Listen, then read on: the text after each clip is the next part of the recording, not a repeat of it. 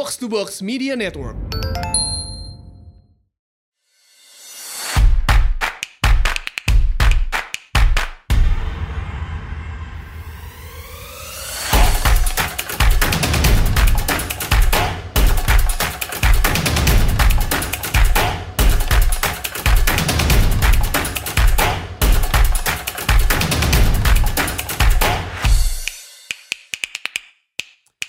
Selamat datang di Asumsi Bersuara. Hari ini kita edisi spesial nih, karena kita akan ngobrol-ngobrol soal ekonomi Indonesia bareng Lead Economist World Bank Jakarta Office, Federico Gil Sander. Federico, welcome to the podcast. Thank you very much. Iya, Federico ini ekonom Bank Dunia, spesialis negara-negara emerging markets ya. Jadi sebelum di Indonesia, dia juga uh, udah pernah cover India, Thailand, Malaysia juga. Um, dan karena Federico ini tidak berbahasa Indonesia, jadi asumsi bersuara edisi kali ini kita akan gunakan bahasa Inggris. Tapi seperti biasa akan diupload juga uh, ke YouTube dan di YouTube itu nanti akan ada uh, subtitlesnya gitu. So Federico, uh, glad to have you here with us uh, to discuss Indonesian economy and all that. Thank you, thank you for having me. And uh, mohon maaf saya tidak pintar cukup untuk uh, interview bahasa Indonesia. That's good enough, good enough. Almost. Sorry to Almost. burden your listeners with English. Almost, no, no problem, no problem. They'll, they'll use this as a as a as a method to to practice more listening. Uh, Federico, I'll, I'll start I'll start this interview by asking your take on the Indonesian economy as you see it. I mean, on a surface level, everything seems to be all right, right? I mean, um, we've been growing steadily. 5% over the past I don't know four or five years. It's been it's been steady like that. Um, it's not super great, but it's steady. It's not that low either. And um, inflation's under control, 3%. Poverty at the lowest level in the past, I don't know how many decades. Uh, unemployment is also uh, reaching a very low level. Um, are we am I, are we really doing okay, or am I missing something here? No, I think that by by most uh, kind of objective accounts, Indonesia's the Indonesian economy is doing quite well. I'm originally from Brazil, and in Brazil this year we may grow one percent, maybe less than one percent. Yeah. So I think that the last few years uh, since the the recession have seen very tough times uh, for the global economy. So the fact that Indonesia has been growing steadily at this kind of five percent rate, uh, but also the jobs are being created. Uh, that's actually something that is very positive, and that reflects some fundamental strengths of the economy that I think continue. Uh, Indonesia used to be a very kind of volatile from the macro sense, Yeah. given what happened with the Asian financial crisis. But I think that in the past 10 years, or even maybe a bit more, maybe 15 years, uh, Indonesia has really built its reputation for having very solid macroeconomic policies. So the fiscal policy is uh, very stable. The deficits are always under 3%. By law, how- right? Well, but in some societies, you Yeah. may have laws and then the law is not respected. Right. Or the, excuse me, the ministers find a way to get around it. In Indonesia, I think that uh, it, it's one law that is actually very seriously respected. Yeah. Uh, in India, they also have a 3% target. I, you mentioned that I used to work in India. Yeah. But uh, they always exceeded that, and they have deficits for the whole government, which are closer to 6%. And Almost have- double that, right? They have a debt level of 70% of GDP. Yeah. Uh, and they always find it very difficult to uh, to control the deficit. So I think that you know because you're here in Indonesia and year after year you have these deficits one and a half, two, two and a half percent. You've gotten used to it, but actually on a global from a global perspective, that reflects actually very sound uh, fiscal policy. And I think that if you look at the Bank Indonesia, they have also been running very prudent uh, monetary and exchange rate policy, making sure that you have the, the capital flows coming into the country, that inflation expectations have been very well anchored, certainly in the last uh, five years or so. Uh, so the, the macro fundamentals of the economy are very strong. And I think that that actually supports this kind of uh, very stable growth uh, that we're seeing um, of around 5%. Um, I think that in the last couple of years, we've seen this growth uh, increasingly driven by investment, which is good. Although this year in particular, I think that the investment has come down a little bit, partly because of uh, global circumstances. I think that this year has been a year of very elevated. Uh, sorry, again, I have something on my throat. It's okay. uh, we have this very elevated uh, uncertainty because of trade wars, because of various flashpoints of what is happening in Hong Kong, yep. Or what is happening in Kashmir. I mean, there seems Brexit. Yep. So all of this uncertainty actually tends to slow down global investment. Uh, and that has uh, had some impact on, on Indonesia as well. But I also think that uh, looking domestically, we were expecting that post the elections, there will be some resumption of domestically oriented investment. But I think that that resolution, the fact that there was an appeal to the court.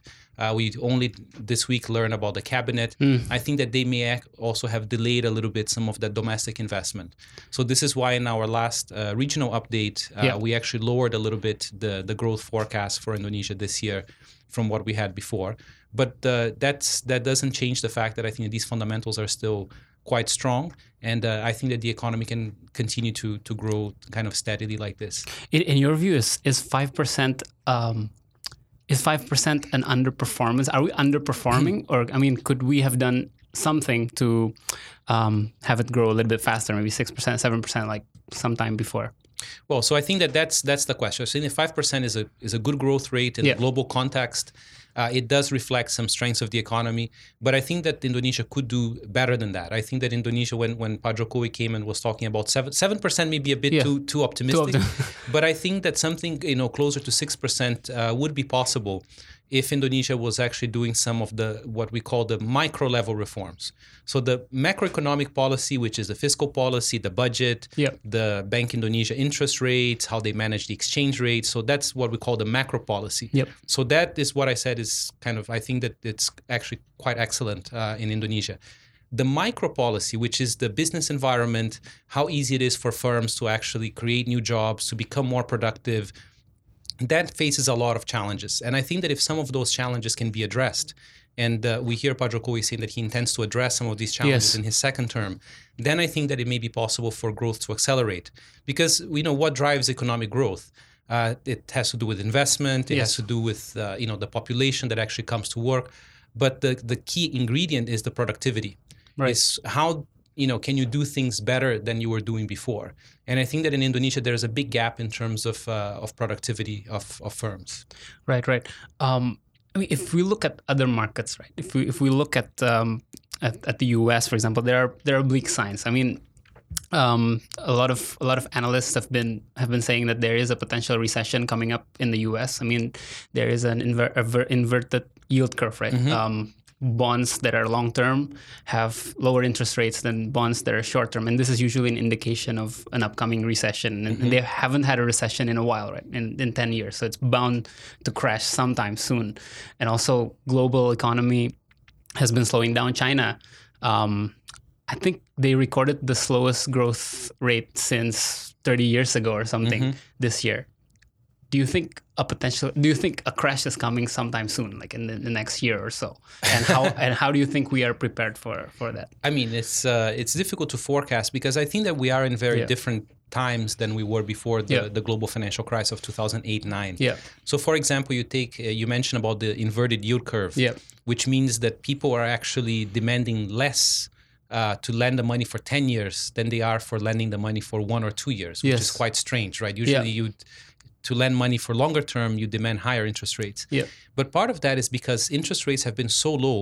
We've gone into this era of uh, unconventional monetary policy where many central banks have negative interest rates and you have trillions of bonds. I mean, at one point it was 17 trillion US dollars. I mean, it's an unimaginable amount of bonds uh, that people were actually paying the government Yeah. to Yeah. give them money yeah. right? So, and this is why actually on the US side, because their interest rates were still positive, Mm. a lot of investors faced with these negative rates in Europe or in Japan, there was actually more demand for these kind of medium term assets because those kinds of investors they don't go for the short term. They're insurance companies they're pension funds.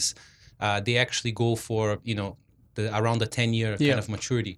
So it's not the usual yield inversion. It's actually being driven by something else which is strange which is this proliferation of uh, negative interest rates which we don't know exactly what it means because uh, does it mean that people will finally be spending more and that will stimulate the economy because you're almost giving people money to spend Yep. or will it cause the opposite effect because all these societies are getting older all the societies with the negative interest rates europe japan so you have a lot of people who depend on their retirement income people are living longer and those retirement uh, those rates actually go uh, if Down. they go down Yeah. then maybe you need to save more and you end up spending even less so people are very concerned about uh, that we are in this kind of uncharted territory that there may be limits to what the monetary policy can do and with fiscal policy it requires a lot of kind of political will and you know places that have already faced very high debts uh, they're very reluctant to actually expand on fiscal policy. So I think that it's uh, clearly the, the world economy is going through a kind of a rough patch.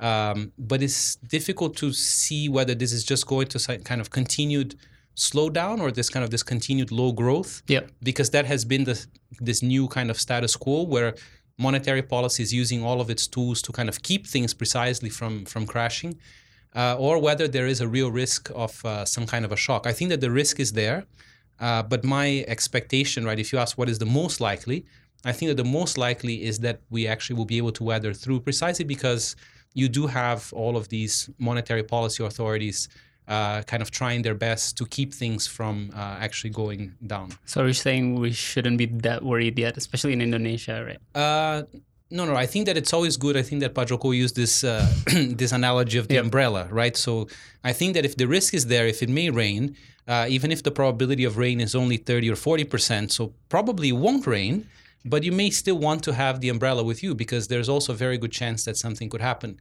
Uh, and I think that there is another reason why Indonesia should be worried is that if you have this kind of slower growth, especially China accommodating with this kind of new normal of much slower growth yes. than in the past, that will affect uh, commodity prices. And to the extent that the Indonesian economy still depends on the margin a lot on the sale of commodities like palm oil, like coal, uh, like gas, natural gas.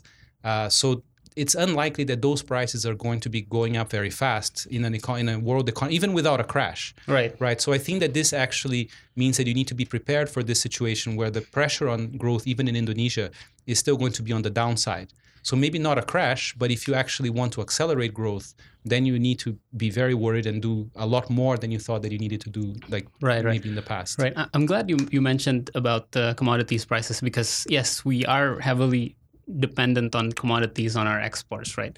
Um, what do you think? How, how, do you think we should diversify? I mean, uh, what um, what um, what aspects of the economy, what and what industries do you think we should um, promote um, to diversify our exports so that we don't depend so much on the commodities prices that in turn depends a lot on global growth, on China, um, and all that?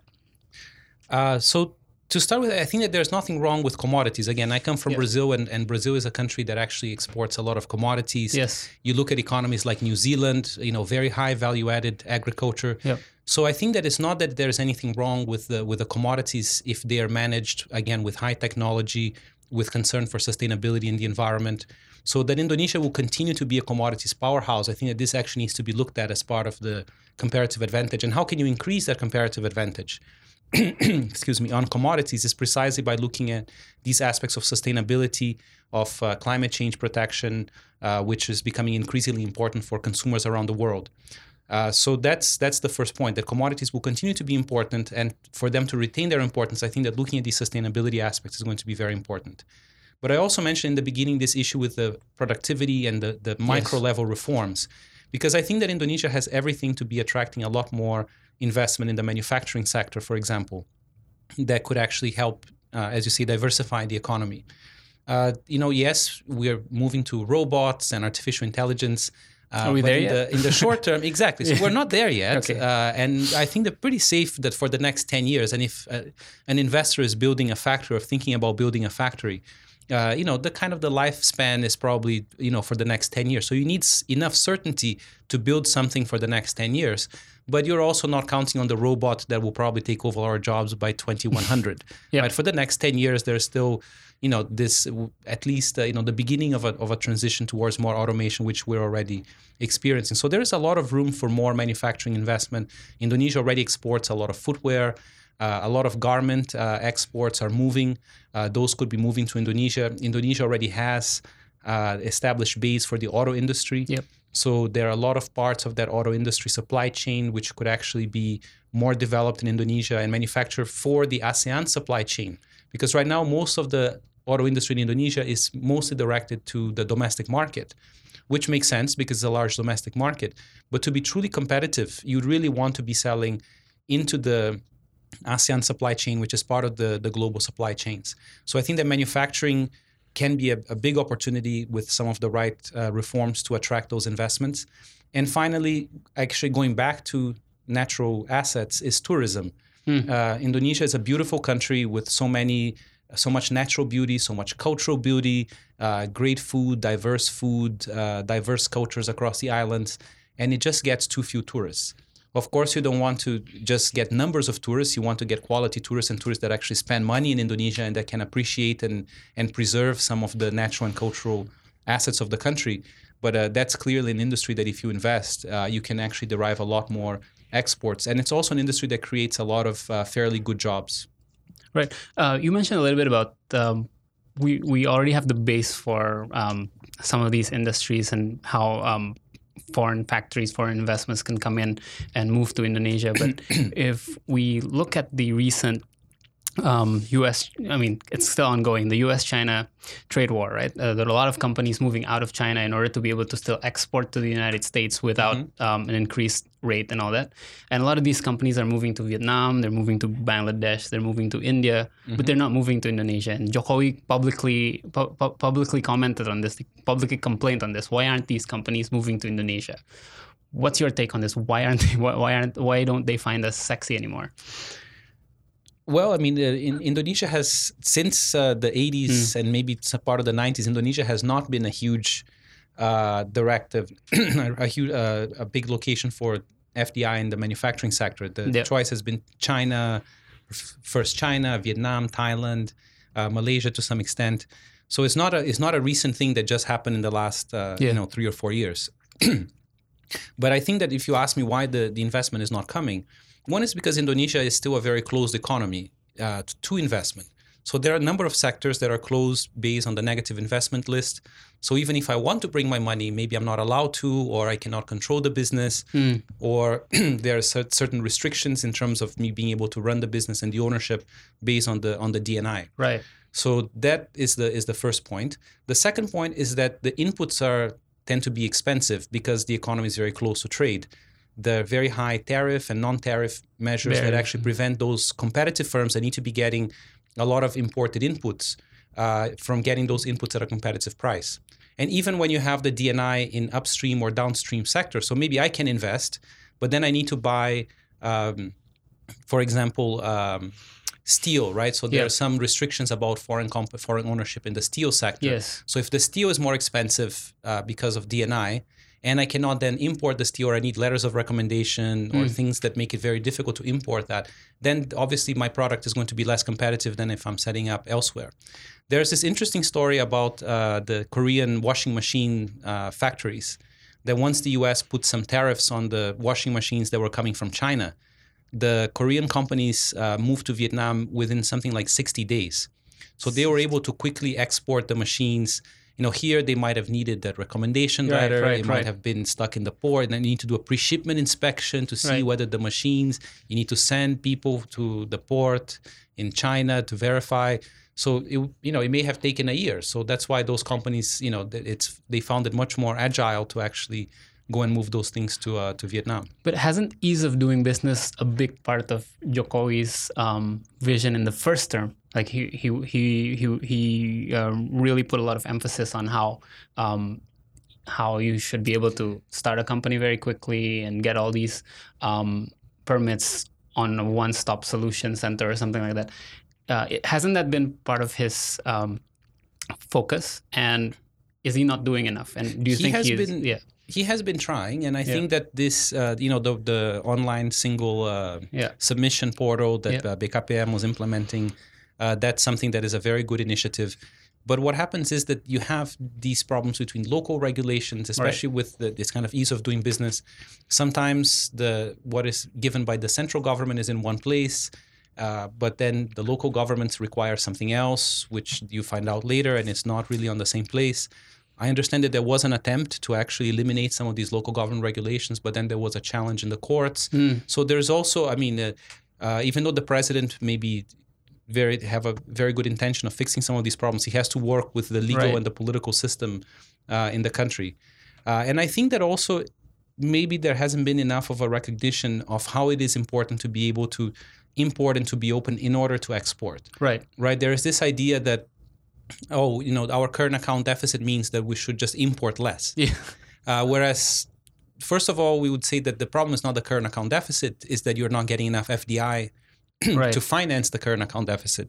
But the, the second point is that countries like Vietnam, they, they have imports which are almost 100% of GDP, but then they export more, Right. right? So the key is not to look at the imports, but to look at the exports. How can Indonesia actually export more? And in many ways, to export more, it also needs to import more. Right.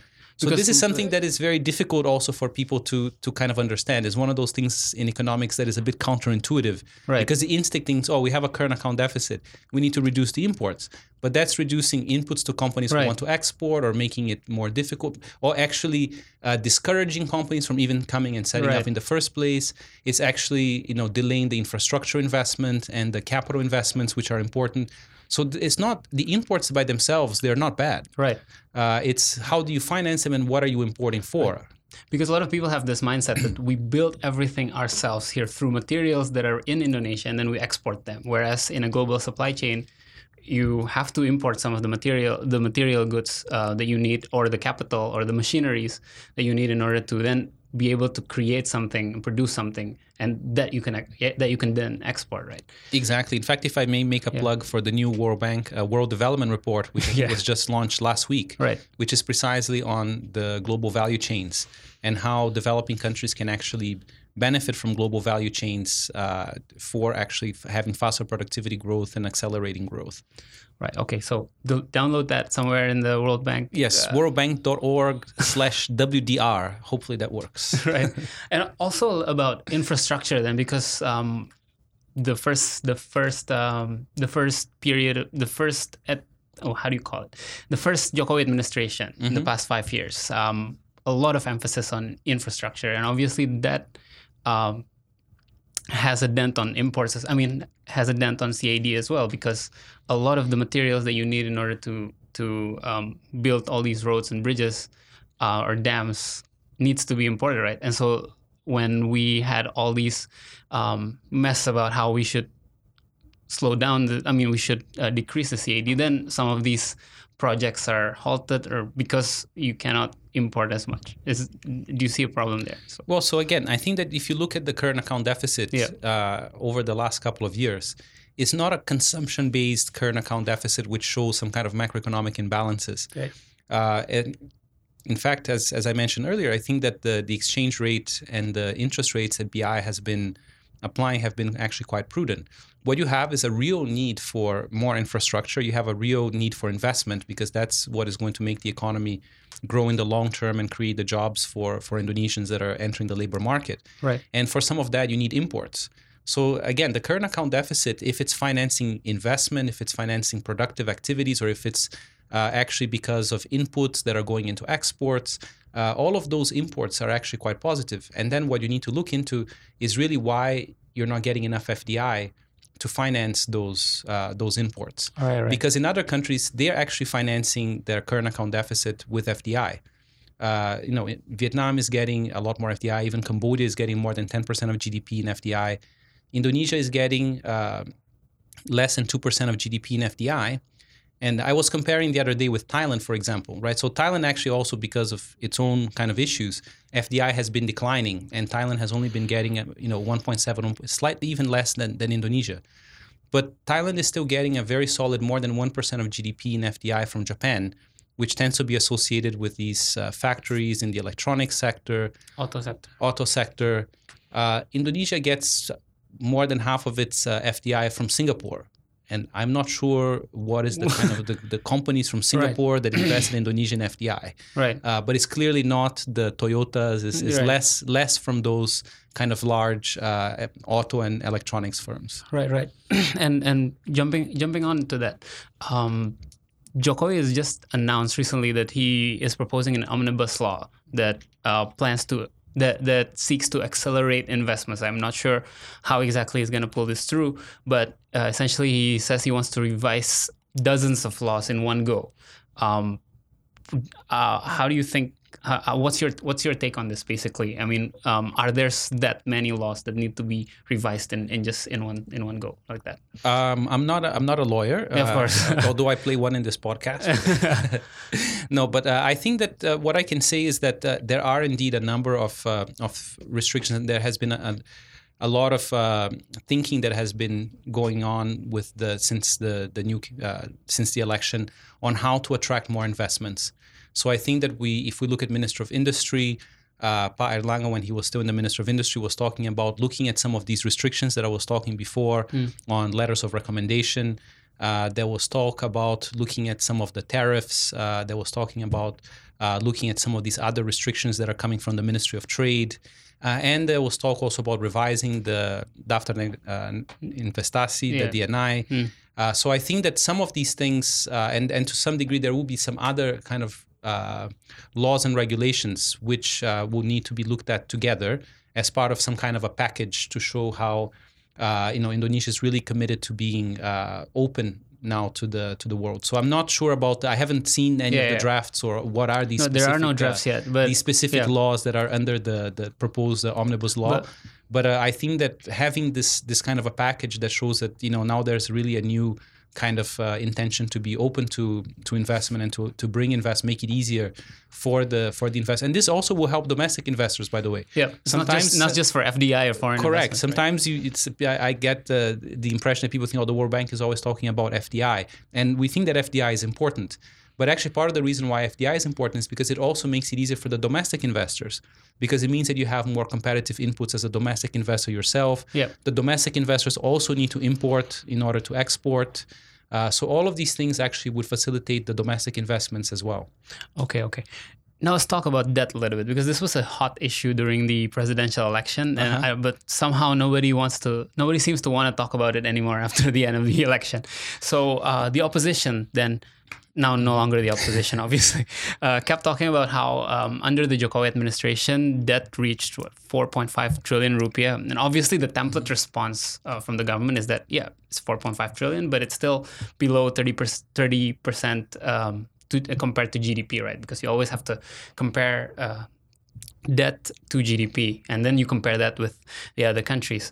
Um, but my question is, um, and is something that's rarely discussed, is uh, our ability to actually milk revenue out of the GDP, because tax to rate, tax to GDP ratio in Indonesia is only around 11 percent, whereas like OECD is thirty something percent. So we're we're we're much less able to generate revenue out of out of out of GDP, and also um, these debt payments now make up like fifteen percent of the national government expenditures. Right? Do you think this is still um, an amount that's acceptable, or do you think this is a cause for concern?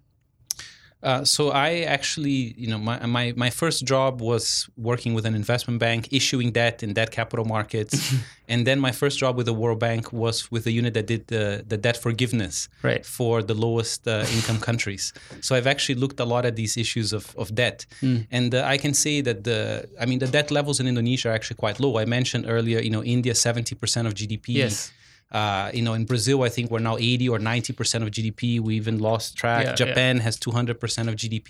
Yep. So you really have to look at it as a as a share of the economy, Of course. Of course. uh, as opposed to the to the numbers, right? I mean, it's the it's like the analogy of if you're in the zoo, right? Uh, it, you don't look at the amount of the food that you give. I mean, the amount has to be proportional to the size. You know, the food to the elephant is going to be, you know, many more kilos than the than the food to the to the antelope.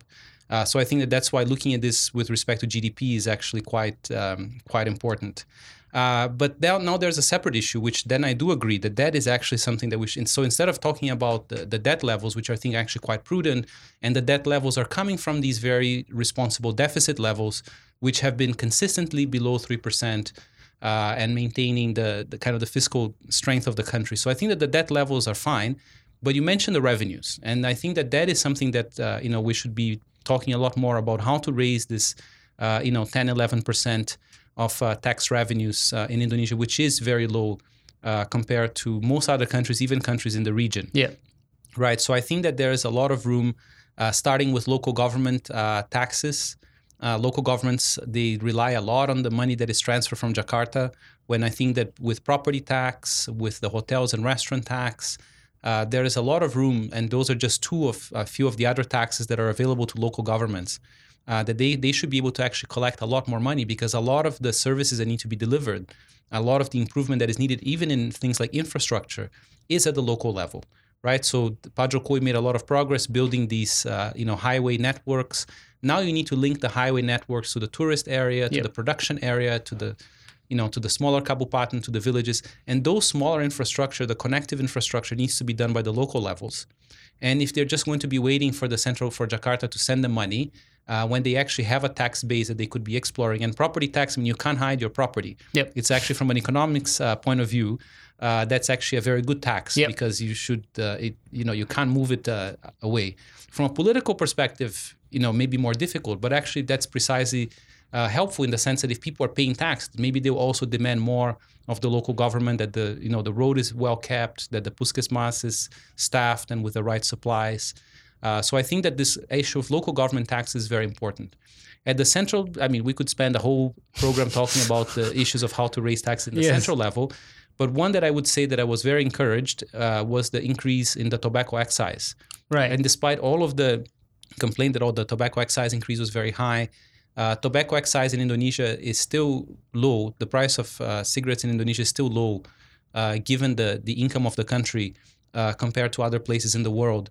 Uh, for something that actually is, as as we all know, uh, you know, bad for for people's health and actually ends up incurring more cost to the government and ends up incurring a cost of productivity. If people get sick, if they cannot, if they have pulmonary or heart diseases, then obviously they're going to be less productive workers and they're going to cost more money to the government. So I think that it's more than fair that uh, you know if you have uh, tobacco industry, that that industry should be adequately taxed. Uh, so that's that's again one one source of revenue that could that could see more taxation. We are talking about tourism before.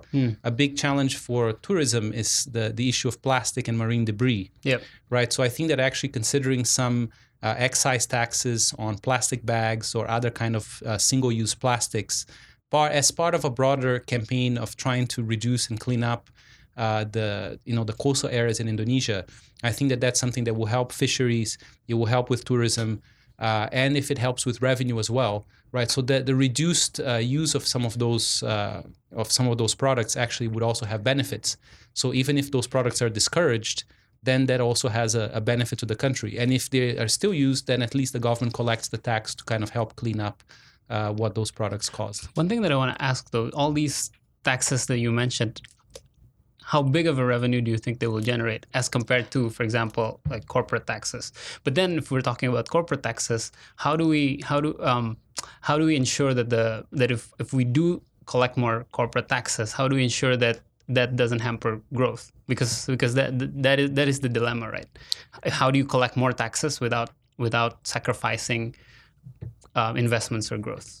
Well, I think that the key to that is that the tax code needs to be simple. The administration needs to be easy, needs to be predictable. Um, so I think that improving the systems of uh, of DigiTax to make the tax payments very simple Right. and predictable is very important. I understand that today many firms uh, they're very reluctant to uh, request VAT refunds because if they request a refund, they might be audited, or Right. the refund can take six months. Right. Uh, maybe you make a mistake on one line and then your entire refund gets uh, withheld. Uh, so I think that those are actually the kind of things that have- have a much bigger impact on on growth. Um, you know, yes, there is room to kind of within a package of uh, of taxes to maybe look at the at the rate. I think that Ibu Sri Mulyani has mentioned that she intends to uh, eventually lower the the corporate income tax rate um, in the context of simplifying the the overall code.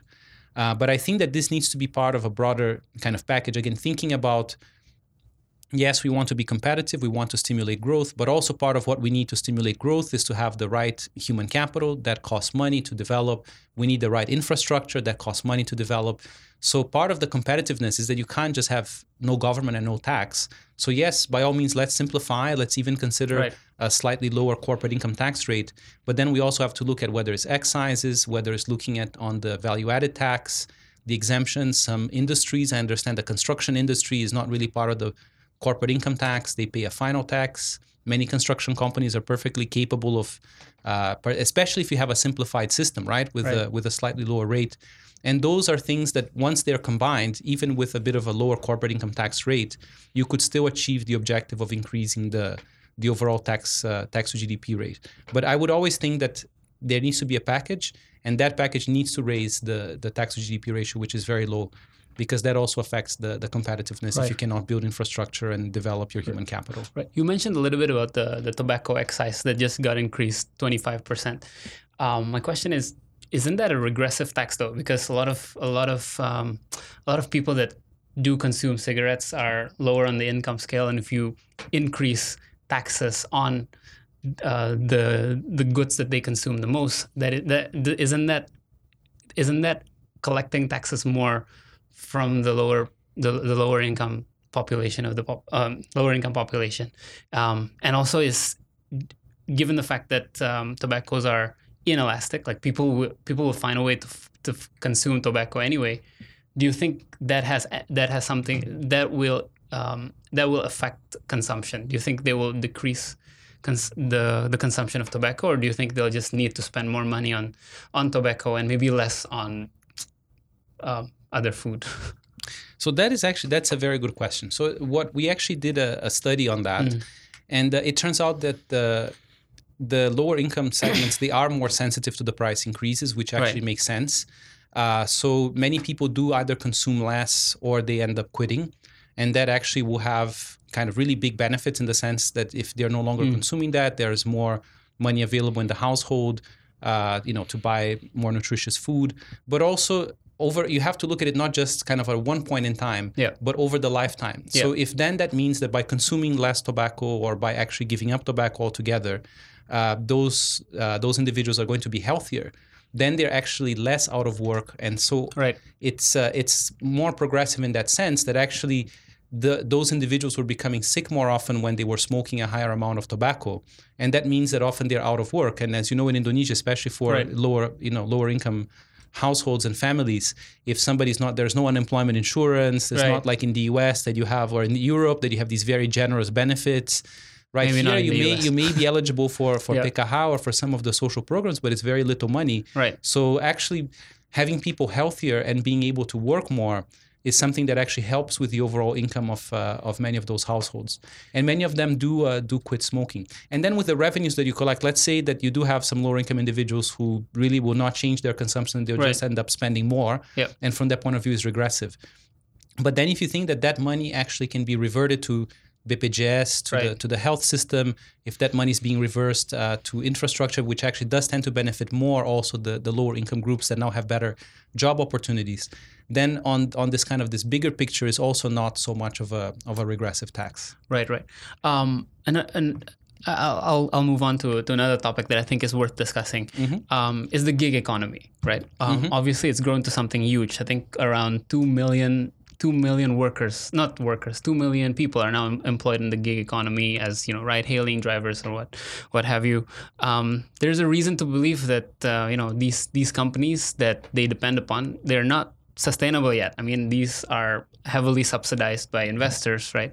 And um, I don't know. Do you think this is a cause for concern? Because if, for example, these companies go bankrupt, suddenly an extra one percent unemployment in Indonesia, right? two million people suddenly lose their jobs. Do you think um, they've grown into something that's too big to fail? Uh, that suddenly the, that that somehow the government needs to to put more um, put put more eye- put an eye on um, in, in order to to to with to weather in just in case something bad happens. I, I think that the gig economy is here to stay. I mean, and I think that I, I don't know about the individual companies, right? So Right. sometimes it may be that an individual company may may not uh, survive, and it's difficult to predict at this point. And I'm not, I have never analyzed them, but I, I remember when I started, I mentioned that I started in uh, that capital markets issuing that, but even before that, I was uh, in investment banking. Yeah. And uh, that was the time of the dot com boom, Right, which right. you know maybe many of your listeners were not were not born by then, but uh, there was a there was a stock called theglobe.com Right. that uh, they sold it at nine dollars and then immediately went to ninety dollars, and Right. then within two years that company was bankrupt. So Right. there was the the excitement days of you know you had all of these various uh, dot coms. Uh, that have very high valuations. They were losing money, and nobody cared that they were losing money. And in fact, many of them, you know, are no longer with us today. But then we still have with us today Google and Apple Right. and Facebook and many companies that actually maybe many of them started back there, and it wasn't clear that they were going to be the ones that would succeed. But the fact is that the internet economy, even then, I think that that's what the market was saying the internet economy as a whole is something which huge promise and something that is going to be around in the next 10 or 20 years.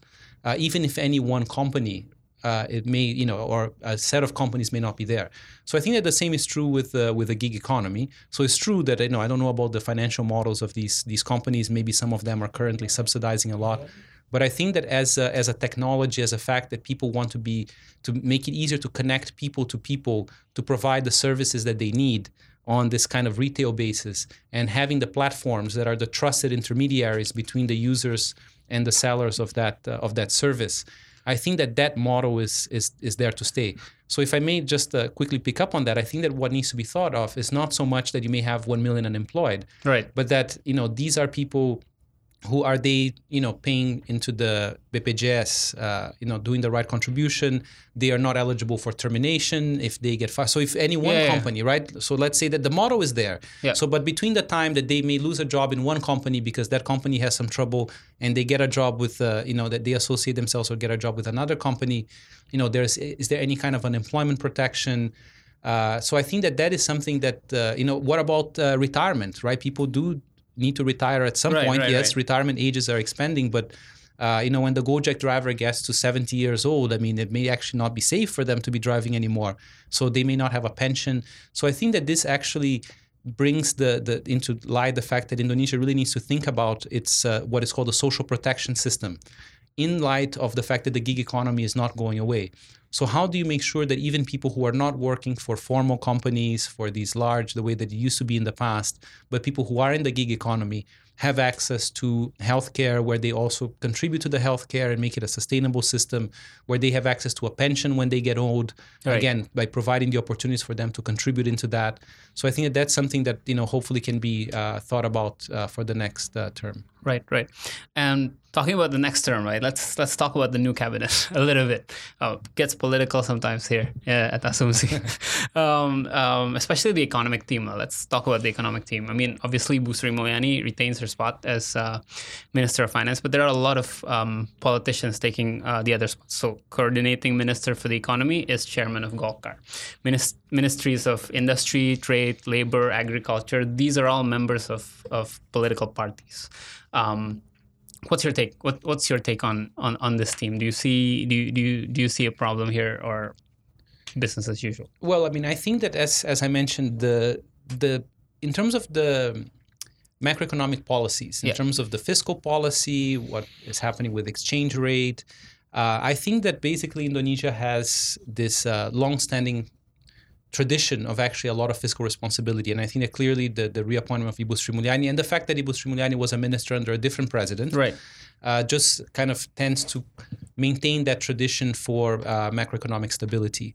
So the fact that the coordinating minister or that other parts of the economic uh, cabinet may, may come from more of a political background uh, that would not uh, concern me in terms of the, the maintaining the kind mm. of the hmm. fiscal prudence of the overall policy. Um, and I think that I mean I don't know any of the the particular uh, uh, ministers that have been appointed, but I think that uh, I can see I can see the positive points that by being politicians, a lot of these difficult reforms uh, they actually require uh, dealing with issues which are basically politics. I think that right. the economics are quite clear on some of these things. Uh, right. Uh, the difficulty is to really deal with the politics with the various groups that you know that some individual groups may lose out in order for the country to actually get more investments. So perhaps what you need is actually a, a politician who can make that political deal to make some of those reforms happen. But I'm I'm not familiar enough with them to say yes. if, I think that the, if, X yeah. or Ibu Y are the ones that are going to drive these these reforms. Right, right. Um, of course, the the other side of the equation is um, if political dynamics is very clear in in cabinet selections, right? Um, it seems like Jokowi is accommodating everyone into his cabinet, even his even his uh, opposition before.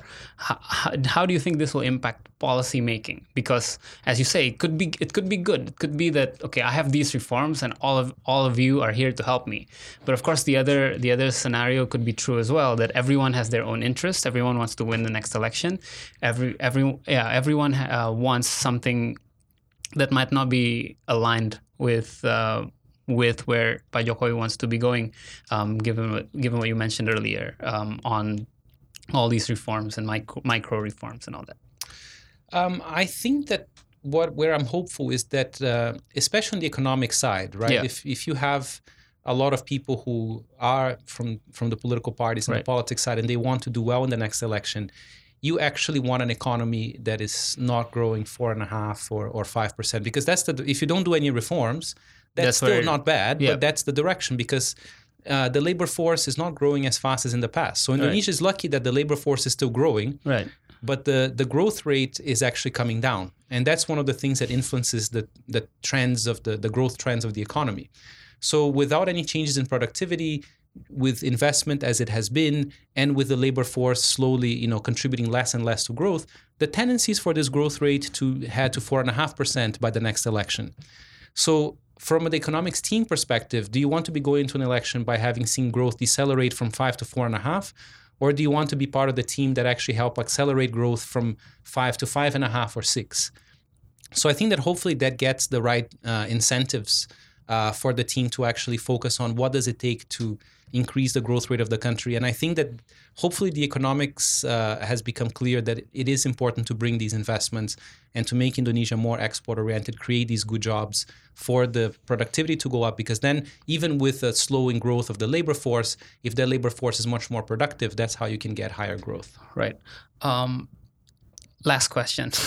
what do you think should be the, the main focus of uh, Jokowi's second term? I mean, in terms of the in terms of the economy, obviously, um, should we con- should Jokowi continue his focus on on these um, infrastructures and and um, productivity, or, or or where do you think where do you think this focus should be going? As, or um, and also maybe we can we can touch upon um, his move to, to to have equitable growth to the east as well. You know, moving the capital somewhere in the middle of nowhere in Kalimantan or something like that.